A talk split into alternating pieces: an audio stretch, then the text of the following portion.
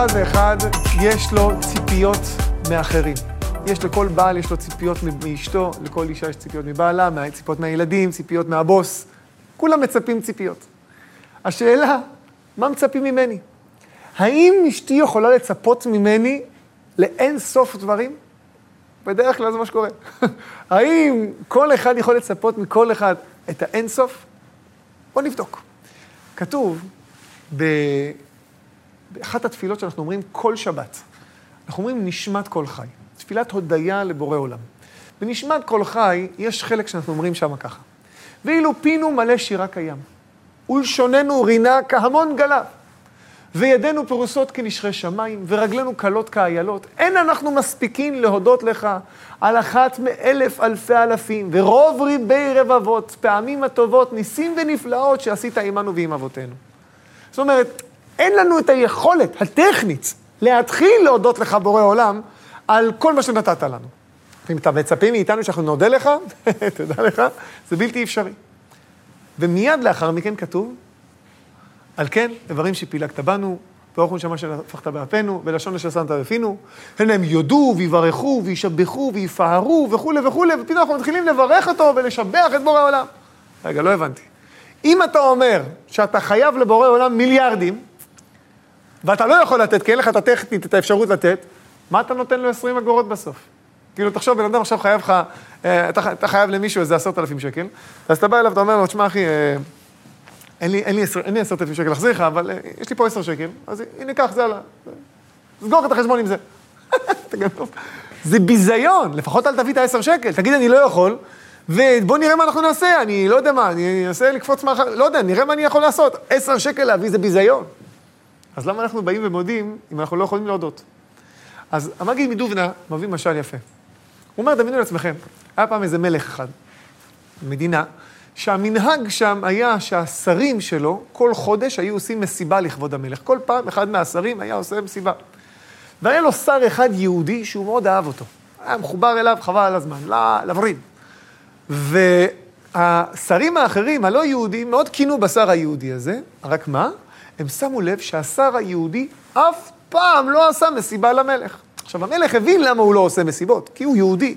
ויהודי ששומר תורה ומצוות, הוא לא, הוא לא עושה את אותן מסיבות כמו ששייך אצל המלך, אבל כל השרים תפסו את זה כעילה, לבוא ועכשיו ליפול על היהודי זה ולהגיד למלך כמה הוא לא בסדר. אז באו למלך ואומרים לו, שמע, כבוד המלך, שר היהודי הזה, הוא, אתה יודע, הוא לא סובל אותך. הוא אומר, מה?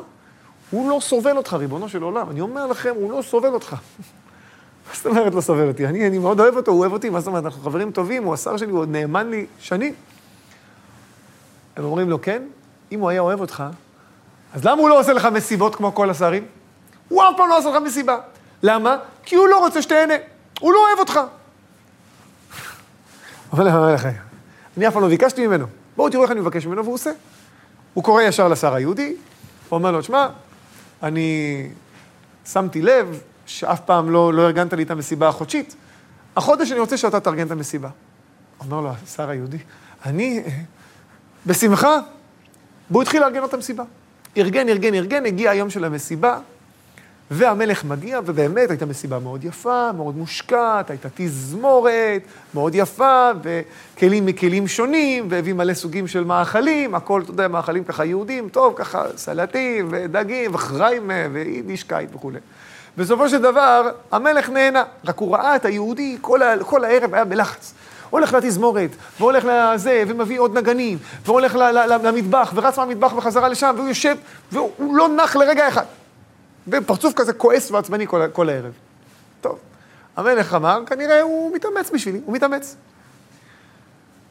אחרי המסיבה הזאת, בא אחד השרים הגויים שראה את המסיבה למלך, ואומר למלך, תקשיב, כבוד המלך, תראה כמה היהודי הזה סבל במסיבה שהוא ארגן לך. תשמע, הוא התאמץ, מה אתה רוצה? הוא, הוא עבד קשה בשביל המסיבה. אומר, עזוב, כבוד המלך, אני אומר לך, זה בגלל שהוא הוציא עליך כסף, הוא ככה סבל. מה זה, כל שלוק שהמלך שתה מהיין היוקרתי שהוא הביא לו שם, אותו יהודי יושב, אוח, אוח, מה הוא שותה? מה הוא שותה? זה שקל שלי שיצא. הוא סובל, הוא לא רצה שתהנה. אומר לו המלך, מה אתה מציע לעשות? אומר לו השר, תקשיב, תנסה להגיד ליהודי הזה לעשות לך עוד מסיבה, והפעם תן לו את התקציב אתה, שאתה תשלם על המסיבה. ובואו נראה, אם הוא עדיין יטרח אותו דבר, זה כנראה אני טועה. אבל אם הוא עכשיו יישב בנחת, כנראה הוא סובל מזה שאתה בזבזת לו כסף. אמר לו, בסדר. קרא ליהודי, אמר לו, שמע, הנה, קח לך סכום, ואני רוצה שתארגן לי מסיבה. הוא ארגן לו מסיבה, המלך במסיבה יושב ומסתכל על היהודי.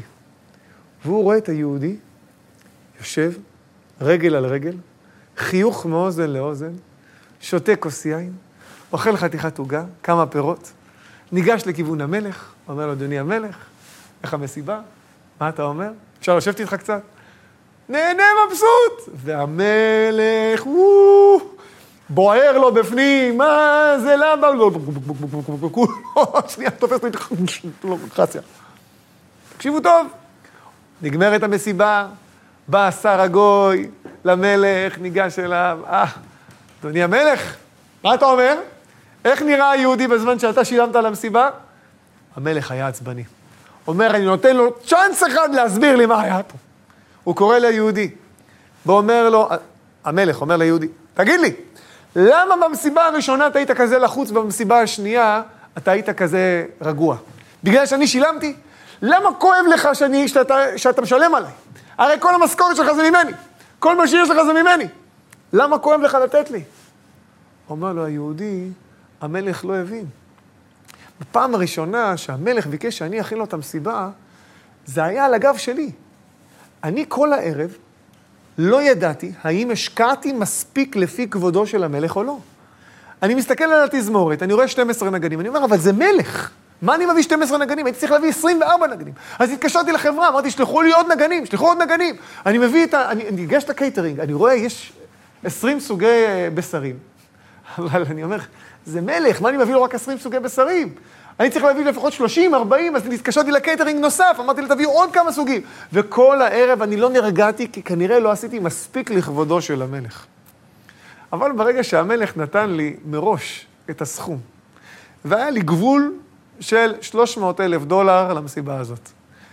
ברגע שהוצאתי את השקל האחרון מה-300 אלף דולר, אני יכול לדעת, זה מה שהמלך מצפה ממני. הוא נתן לי גבול, והגבול הזה, נתתי לו בחזרה את המקסימום שיכולתי להוציא מאותם גבולות. הבנת, כבוד המלך? המלך שמח מאוד מהתשובה, וזה גם התשובה בשבילנו. בנשמת כל חי, אנחנו אומרים, אילופים ומלא שירה קיים ולשוננו רינה כהמון גליו, אנחנו לא יכולים להספיק להגיד לך מספיק תודה. אבל, על כן, איברים שפילגת בנו, ורוח ונשמה שנתת באפינו, ולשון אשר אתה שמת בפינו, הן הם יודו ויברכו. אתה נתת לי גבול, ועם הגבול הזה אני משתדל לעשות את המקסימום שאני יכול. ברגע שאנחנו נמצאים בכל מערכת יחסים, בין אם זה בין איש לאישה, בין אם זה עם הילדים, בין אם זה בעבודה, בין אם זה עם אלוקים. כל מערכת יחסים, אנחנו מצופים לתת את מה שאנחנו מסוגלים לתת, ולא מעבר. מה שאנחנו מסוגלים זה המקסימום שאנחנו מצופים עכשיו. הדבר הנפלא והחדשות הטובות זה שאין לנו, מוס... לנו מושג כמה אנחנו מסוגלים עוד יותר.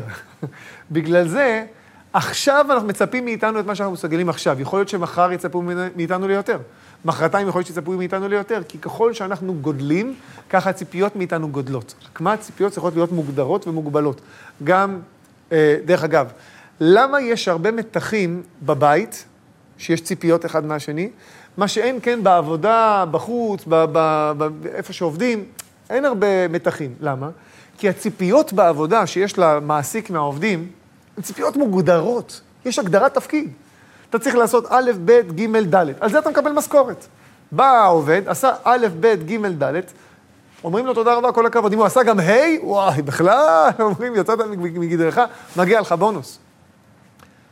בדרך כלל במערכות היחסים של בין בעל לאשתו או בין הורים לילדים, אין הגדרת ציפיות. כלומר, אנחנו מצפים למקסימום. אנחנו מצפים שאתה תהיה גדול הדור, אנחנו מצפים שאתה תהיה הכי צדיק בעולם, הכי טוב בעולם, הכי עשיר בעולם, הכי מעניק בעולם, הכי מכיל בעולם. הכי, הכי, הכי, הכי. וכיוון שהציפיות הן אינסופיות, האכזבות הן תמיד יהיו אינסופיות. בגלל זה הציפיות צריכות להיות מוגדרות. מסופר, הגמרא מספרת על רבי חייא. רבי חייא הייתה לו אישה שנתנו לה פלומבה, חז"ל, של אישה מרשעת, רשעית. פלומבה! אומרת, בכתובה שלה, הרי את, הרי המן הרשע. ורבי חייא, כל פעם שהוא היה מבקש ממנה משהו, היא הייתה עושה בדיוק הפוך, סתם בשביל לעצבן אותו. סתם. הוא היה פעם אחת מבקש ממנה שהוא רוצה מרק עדשים, היא הייתה עושה לו דווקא אורז. היה אומר לו, טוב, אני רוצה אורז, הייתה עושה לו דווקא עדשים. כל מה שהייתה מחליפה, הפוך. הבן שלו פעם אחת קלט את זה, אז הוא אמר לאבא שלו, אז אבא שלו אמר לו, תגיד לאמא שתעשה לי עדשים, אז הוא הלך לאמא ואמר לה, תעשי אורז. ואז האמא עשתה הפוך, ואז הביא לו את העדשים. אז הוא אמר, אה, אמא נהייתה צדיקה, התחילה לפתח כנפיים. ואז הבן אמר לה, אבא, אני, אני החלפתי בשביל שזה. רבי חייא כעס עליו, אמר לו, לא, לא לשקר בשבילי. אנחנו לא משקרים. אם היא עושה הפוך, תן לי לאכול את ההפוך. בורא עולם החליט, לא היא. תקשיבו טוב. שאלו אותו חכמים, אמרו לו, חכמי דורו, רבי חייא היה אחד מגדולי ישראל, אמרו לו, אולי תשחרר אותה? יש, אתה יודע, יש גבול מסוים כמה בן אדם צריך לסבול בשביל לשמר את, ה, את הקשר לנישואים. עזוב, תשחרר אותה, תתחתן עם מישהי אחרת, יותר טובה, והכל יהיה בסדר, אנחנו, אנחנו נליץ עליך. אנחנו חותמים לך על הכתובה, אנחנו מוכנים לשלם לך על הכתובה. בסדר? עזוב אותך, תן לנו לכתוב לך גט. אמר להם ככה, שימו לב טוב, מדרגת הציפיות שלו. דיינו, שמגדלות בנינו לתלמוד תורה ומצילות אותנו מן החטא. דיינו, זהו. מבחינתו, הציפייה שלו מאשתו שתגדל את בניו ושתציל אותו מן החטא, זה הציפיות היחידות שיש לו. הוא לא מצפה שתבשל לו, שתכין לו, שתיתן לו עונג, שתשבח אותו, שתגמור עליו תהלל כל פעם שהוא חוזר הביתה. לא. הוא לא מצפה ממנה לכלום. הוא הוריד את רמת הציפיות שלו למטה, למינימום של המינימום של מה שהוא רצה לפני שהוא התחתן. ברגע שהוא נכנס עם רמה כזו של ציפיות, תמיד הוא מתפעל לטובה. פש, היא גם מבשלת לי אוכל? בנוסף לזה שהיא מגדלת בניי ללמד תורה, בנוסף לזה שהיא מצילה אותי מלאכת, היא גם מבשלת אוכל, וואו! פש, היא, היא יצאה מגדרה, אבל היא עושה בדיוק הפוך ממה שאתה רוצה. מה זה משנה? היא עושה משהו, זה, זה, זה כבר מעבר למה שאני מצפה. ברגע שאנחנו מצליחים להוריד את הציפיות שלנו למטה, ככה אנחנו נצליח ליצור קשרים הרבה יותר עוצמתיים וחזקים. כי הקשרים מתערערים מתי שמתאכזבים, וכל אכזבה מערערת את הקשר יותר.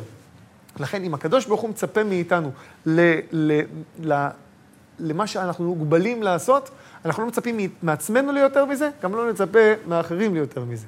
ודרך אגב, לעולם הקדוש ברוך הוא לא נותן לאדם ניסיון, אלא אם כן הוא יכול לעמוד בו.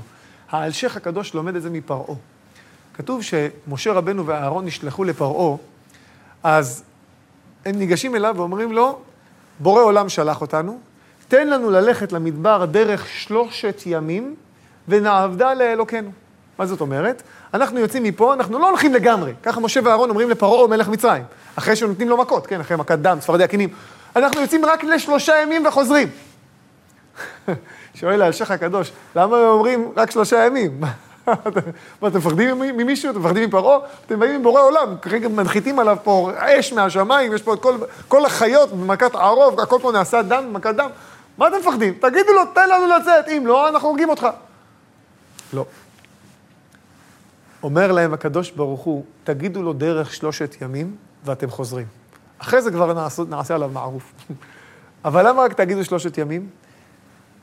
כי אם אתם תגידו לו שלוש וחצי ימים, כל שכן אם תגידו לו ארבעה ימים, זה יהיה ניסיון שיהיה גדול עליו. הוא יהיה מחוץ למסגרת הבחירה שלו. הוא לא יוכל לבחור בלשחרר אתכם. זה לא מצופה ממנו. מצופה ממנו שייתן לכם לצאת שלושת ימים. זה הכל.